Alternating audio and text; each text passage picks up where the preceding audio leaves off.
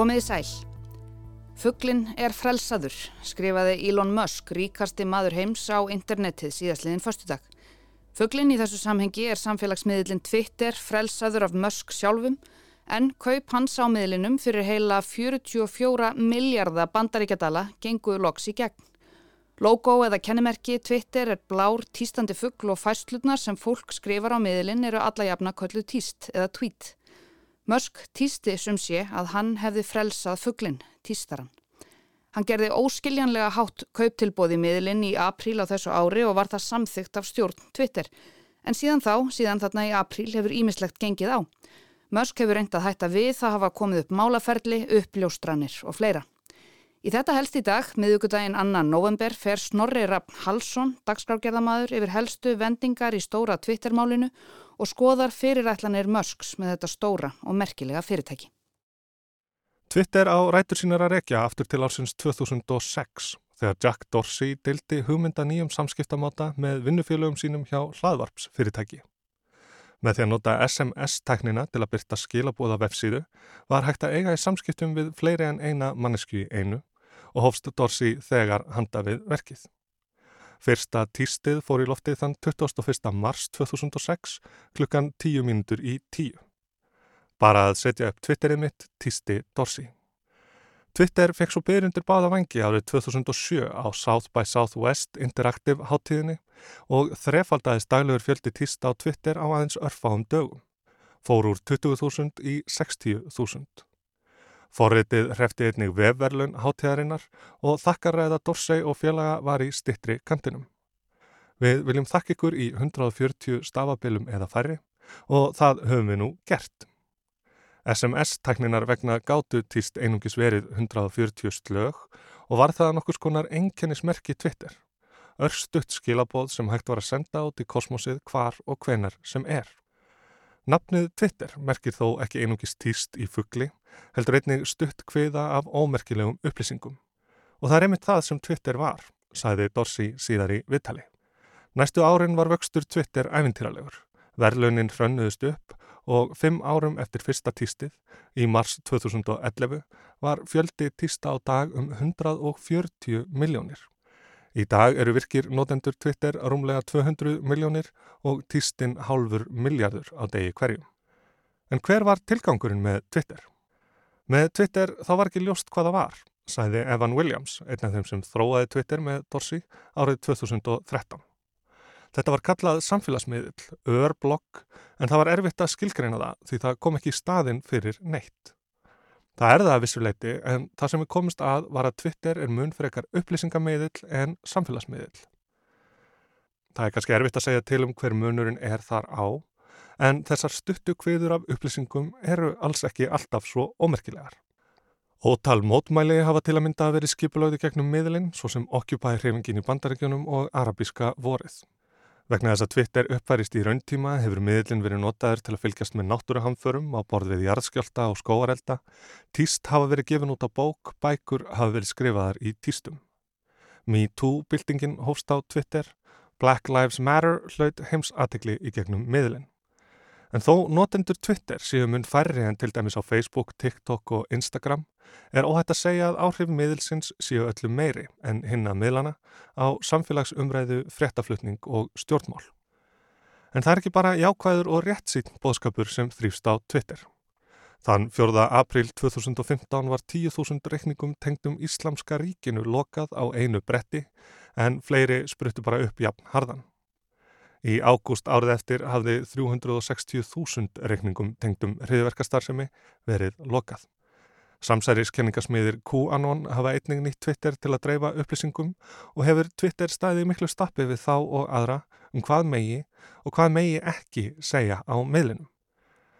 Þetta er í raun einungist drópi í hafið þegar kemur að slíkum málum sem samfélagsmiðlar hafa þurft að glíma við undan farin áratögu eða svo.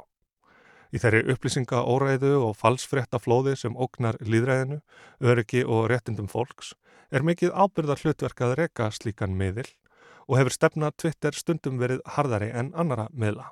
Þá voru fjölmörg týst Donald Trumps rauðmert með viðvörun um að týstin getu innihaldið misvísandi upplýsingar á meðan hann satt við völd. En samkvæmt stefnu Twitter þótt ekki rétt að eigða týstum sitjandi leittoga eða frambjöðenda. Það væri ofmikið yngripp. Steinin tók þó úr þegar týst Trumps átti þátti að árás var gerð á þinghús bandaríkjana þann 7. janúar 2021. Trump var það ekki lengur forseti heldur óbreyttur borgari og því var lokað á Twitter aðgang hans með almanna hagsmunni að leiðarljósi. En ekki eru öll á eitt sátt með slíka rittskoðun. Þar á meðal er hinn nýji eigandi og málfrelsis bókstafstrúarmadurinn Elon Musk. Musk segir vinstri slagsíðu hafa ríkt á miðlinum um landskeið og hafa raunar margir sem aðhyllast svipaðar skoðanir og Musk, markaðstrifna frjálsykju og róttækt málfrelsi, orðið fyrir barðinu á rittskoðanareglum Twitter, sem þó banna fátt annað en kvartningar til ofbeldis, grafíst ofbeldi, haturs, orðræðu og almennt ólögleg aðtæfi. Og ferill Musks sjálfs á Twitter er heldur ekki glæstur. Þegar hægri satiru miðlinn Babylon B vísaði til transkonunar Rachel Levine, hæst settu transkonu innan bandarískrar stjórnsýslu sem Karlmanns ársins var aðgangi þeirra að Twitter læst. Elon Musk grínaðist á með að hann þurfti að kaupa Twitter til að leðrætta þetta.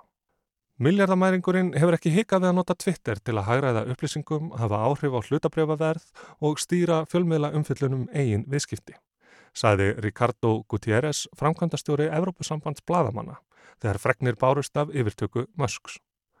Árið 2016 var Elon Musk til að mynda sektaður um 20 miljón bandrækjadólara fyrir að týsta því að hann saðist hafa tryggt fjármagn til að taka Tesla af almennum markaði fyrir 420 dólara á hlutin. Án þess að hafa gert það nýja ætla sér að gera það. Síðan þá hefur Musk ekki fengið að tvíta um Tesla án þess að lögfræðingur fyrirtækisins fari yfir það sem hann ætlar að segja. En Twitter aðgangurinn at Elon Jet kom heldur ekki vel við kaunin á Musk en aðgangurinn byrtir upplýsingar um hvert einasta flög sem Elon fer á engaþóttu sinni. Hinn tvítu í Jack Sweeney heldur úti sjálfvirkum aðgöngum sem fylgjast með engaþóttum frægafólksins og eftir innrásina í Úkrænu rúsneskra ólíkarka. Musk reyndi að greiða Sweeney 5.000 dali fyrir að taka aðgangin niður en þegar þetta er skrifað er hann enn virkur. Síðasti í nótt flög þóttan frá New Jersey til Washington D.C. Áhrifamáttur Twitter er ástæðan fyrir kaupum Musk á millinum. Þegar hann læði tilbúið fram í april á þessu ári, sæði Musk að það væri ekki til þess að græða peninga, heldur vegna þess að Twitter sé reynd stafrænt bæjartorg og það skipti máli að fólk geti og upplifi að það geti tjáð sig þar innan ramma lagana. Frelsun fugglsins er þannig í raun tilraun mösk til að standa vörðum málfrelsi á netinu. Að aflétta hömlum á rittskoðun þá fyrst getur fugglin raunverulega flóið. Við heyrum hér brot úr umfyllum Guðmundar Björns Þorbjörnssonar úr heimskviðun hér á rás 1. 30. april. Frá því tilkynnt varum yfirtökutilbóð Musks í Twitter hafa Ímis mannreitnendasamtök líst yfir þungum áhyggjum. Það er á meðal Human Rights Watch sem hafa áhyggjur af því að haturs orðræða geti fengið að standa óáreitt á Twitter ef slakað verður á reittstjórnareglum Twitter og reitt skoðun en Musk hefur líst því yfir að honum þykir þær of strangar. Hann segist alltaf banna ólöglegt efni á miðlinum en ekkert gefið upp um hvort haturs orðræða á borð við kynþáttahatur og annað netnýð verði bannað. Þá hefur frangotastjóri ACLU, samtaka um borgarlegi réttindi bandrækjumanna, sagt að þessi beinlýnis hættulegt að færa öll þessi völd í hendur eins manns. Og hafa mannreitindarsamtökin Amnesty International sömulegði spenta á að það sé versta mál ef Twitter hættir alfarið að breðast við hattusorðræðu gegn konum og kynsegin fólki á miðlinum. Musk skilgreinir sjálfan sig sem nokkur skonar bókstafstrúarmann þegar kemur að málfrelsi, ei free speech fundamentalist sem hann sagði í tilkynningu vegna kaupana vera grunninn að starfandi líðræðisríki. Twitter væri svo stafræna bæjartorkið þar sem deilt er um málefni sem eru mikilvæg fyrir framtíð mannkins. En hver málfrelsis stefna Musk inni á miðlinum sjálfum verður er sem fyrir segir nokkuð óljóst. Mannreitinda sérfræðingurinn David Green bendi nýverða á að það sé mitt margt sem bendi til þess að skilgrinning Musks á málfrelsi sé hansi þraung og takmörkuð Forreitinda á valdastaða hans geti gert aðverkum að erfitt sé fyrir hann, sem hún hugsalega brátt hafa valdi yfir málfrælsi og reitskóðun 200 miljón daglegra notenda Twitter, að skilja þýðingu málfrælsis fyrir þá sem hafa það ekki. His concept of freedom of speech is a very limited concept of freedom of speech for people who are already in positions of power and does not have a great concern or really even a great understanding of freedom of speech for people who are routinely denied that freedom. Þá sé algjört málfrelsi mun erfiðara í framkvæmt á samfélagsmiðlunum en margur geti haldið. Það sem eigi að þetta frelsi geti fljótt snúist upp í eitthvað ljótt og illt í raunveruleikanum eins og fréttamæðurinn James Clayton bendi á í viðtali við Breska ríkisútarpið BBC. Well, free speech in practice online gets very, very ugly very, very quickly. Suddenly you have to make decisions like, do I let these Nazis on the platform? This person has said something racist. What do we do with that? Stjórnendur í þessu tilfelli, Musk, þurfið að taka stórar ákvarðanir eins og á að leifa nazist á Twitter, á að leifa rasisma, meðirði, hendarklám og svo framvegs.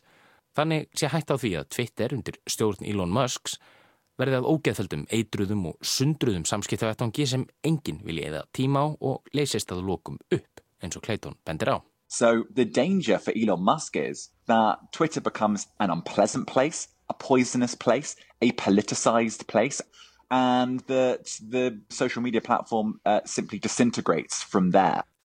Musk er sem áður segir tekin við sem eigandi og fórstjóri Twitter. En það mátti reyndar litlu muna að ekkert yrði af kaupunum. Þegar Musk læði tilbúðið fram, saðist hann ætla að skera upp herur gegn bottum. Sjálfvirkum gerfi aðgöngum sem talið er að hafa haft áhrif á kostningar víða um heim með því að magna upp áróður frá ríkjum eins og Rúslandi. Í mæ tilkynnti Musk að kaupin hefði verið sett á ís í kjölfar skýslu um að 5% aðganga á Twitter væru slíkir botar, mun fleiri en hann hafði ætlað. Vandamálið sem hann ætlaði að leysa með því að kaupa Twitter var skyndilega ástæðu þess að hann vildi hætta við. Hlutabrifi Twitter fjallu um 10%.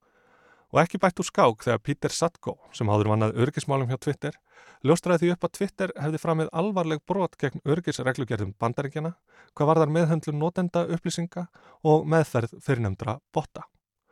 Forstjórin Peter Agrawal hefði ásamt öðrum veitt rángar og misvísandi upplýsingar um persónuvend, örgi og efniskoðun, meðal annars til Elon Musk í kaupferlinu.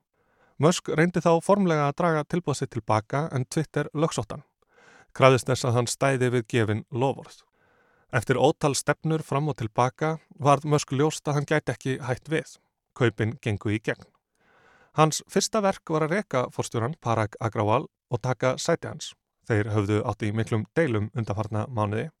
En einnig fengu að fjúka þeir Ned Segal, fjármálastjóri Twitter og Sean Edgett, aðal lögfræðingur fyrirtækisins. Þar að auki var Vijaya Gadde rekin en hún fór meðal annars fyrir því að aðgangi Trumps skildi lokað og hefur hún leitt baráttuna gegn haturs orðræðu og hriðiverkastarðsemi á Twitter. Fóriðarar Twitter hafa heldur ekki geta átt við kóðan undanfarnar daga meðan eigandaskiptin standa yfir og hafa umræðustjórar fyrirtækisins ekki haft aðganga þeim tólum sem þeir nota til að framfylgja notkunar skilmálum Twitter nema að afar takmörkuðu leiti. Það á meðan fórsetakostningar stóði yfir í Brasilíu og það stittist í þingkostningar í bandaríkunum. Kanye West, eða ég eins og hann kalla sig, er núna snúin aftur á Twitter eftir að aðgangi hans var lokað í kjölfari niðrandi umæla um gýninga. Musk segist ekki af að komið að þeirri ákverðin en hann hefur þó lísti yfir að hann sé andsnúin varanlegum bönnum. Meira að segja Trump sé velkomin aftur. Musk kifti Twitter að eigin sögn til að hjálpa mannkyninu. Það er einnig tilgangur hinna fyrirtækjana sem Musk á. Tesla framleiði rafbíla sem brenna ekki í jarðefna eldsniti og spórna þannig gegn lottslags hamförum. Og ætlunarverk SpaceX er að gera mannkinnið að fjölplánetu tegund. Þannig að þegar sádagur ennur upp að ekki er lengur lífta á jörðinni, þá mun mannkinnið ekki deyja út. Við verðum komin til Mars eða jafnvel eitthvað lengra. En þegar 44 miljardar bandaríkjadala eru undir, hlítur að vera eitthvað meira í spilinu en bara hugssjón.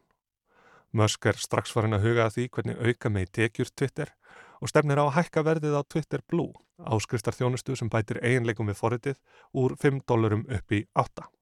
Fyrir hvern forritara eru tíu stjórnendur svaraði Musk spurningu um hvað væri mestum ólestri hjá Twitter í augnablikinu. Og stefnir hann á að segja alltaf 25% starfsfólki í fyrirtækisins upp samkvæmt heimildum Washington Post. En það eru ekki bara minniháttar verðhækkanir sem eru í kortunum. Ein af ástæðum þess að Musk vildi egnast Twitter er svo að hann stefnir á að búa til ofur snjallforritið X, app sem getur allt. Fyrirmyndin er hið kynveska WeChat sem er harlega rittskoðað af ríkistjórninni þar, en það er ekki bara spjallforrit eins og nafnið gefur til kynna. Með forritinu má einni panta hluti á netinu, bóka borða á veitingastöðum, greiða fyrir þjónustu og svo framvegis og svo framvegis. Verði X forritið að veruleika er ljóstað auðkifingurinn Elon Musk verður í farabróti þess heims sem koma skal. Hér á jörðinni með Tesla, út í gemnum með SpaceX og á netinu með Twitter.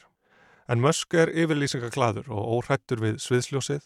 Hann segir það sem honum dettur í hug þá og þá stundina en þarf ofta að draga í land með það sem hann hefur lofað. Hlutirnir gerast hratti á Twitter þessa dagana og það er engin leið að greina frá öllu því sem þar gengur á. En í öllu falli er fugglin frelsaður. Elon Musk frelsaðan, en hvert hann flýgur verður að koma í ljós. Þetta var helst af kaupum aukífingsins Elon Musk á samfélagsmiðlunum Twitter í dag. Ég heiti Snorri Ramm Hallsson og þakka áhengina.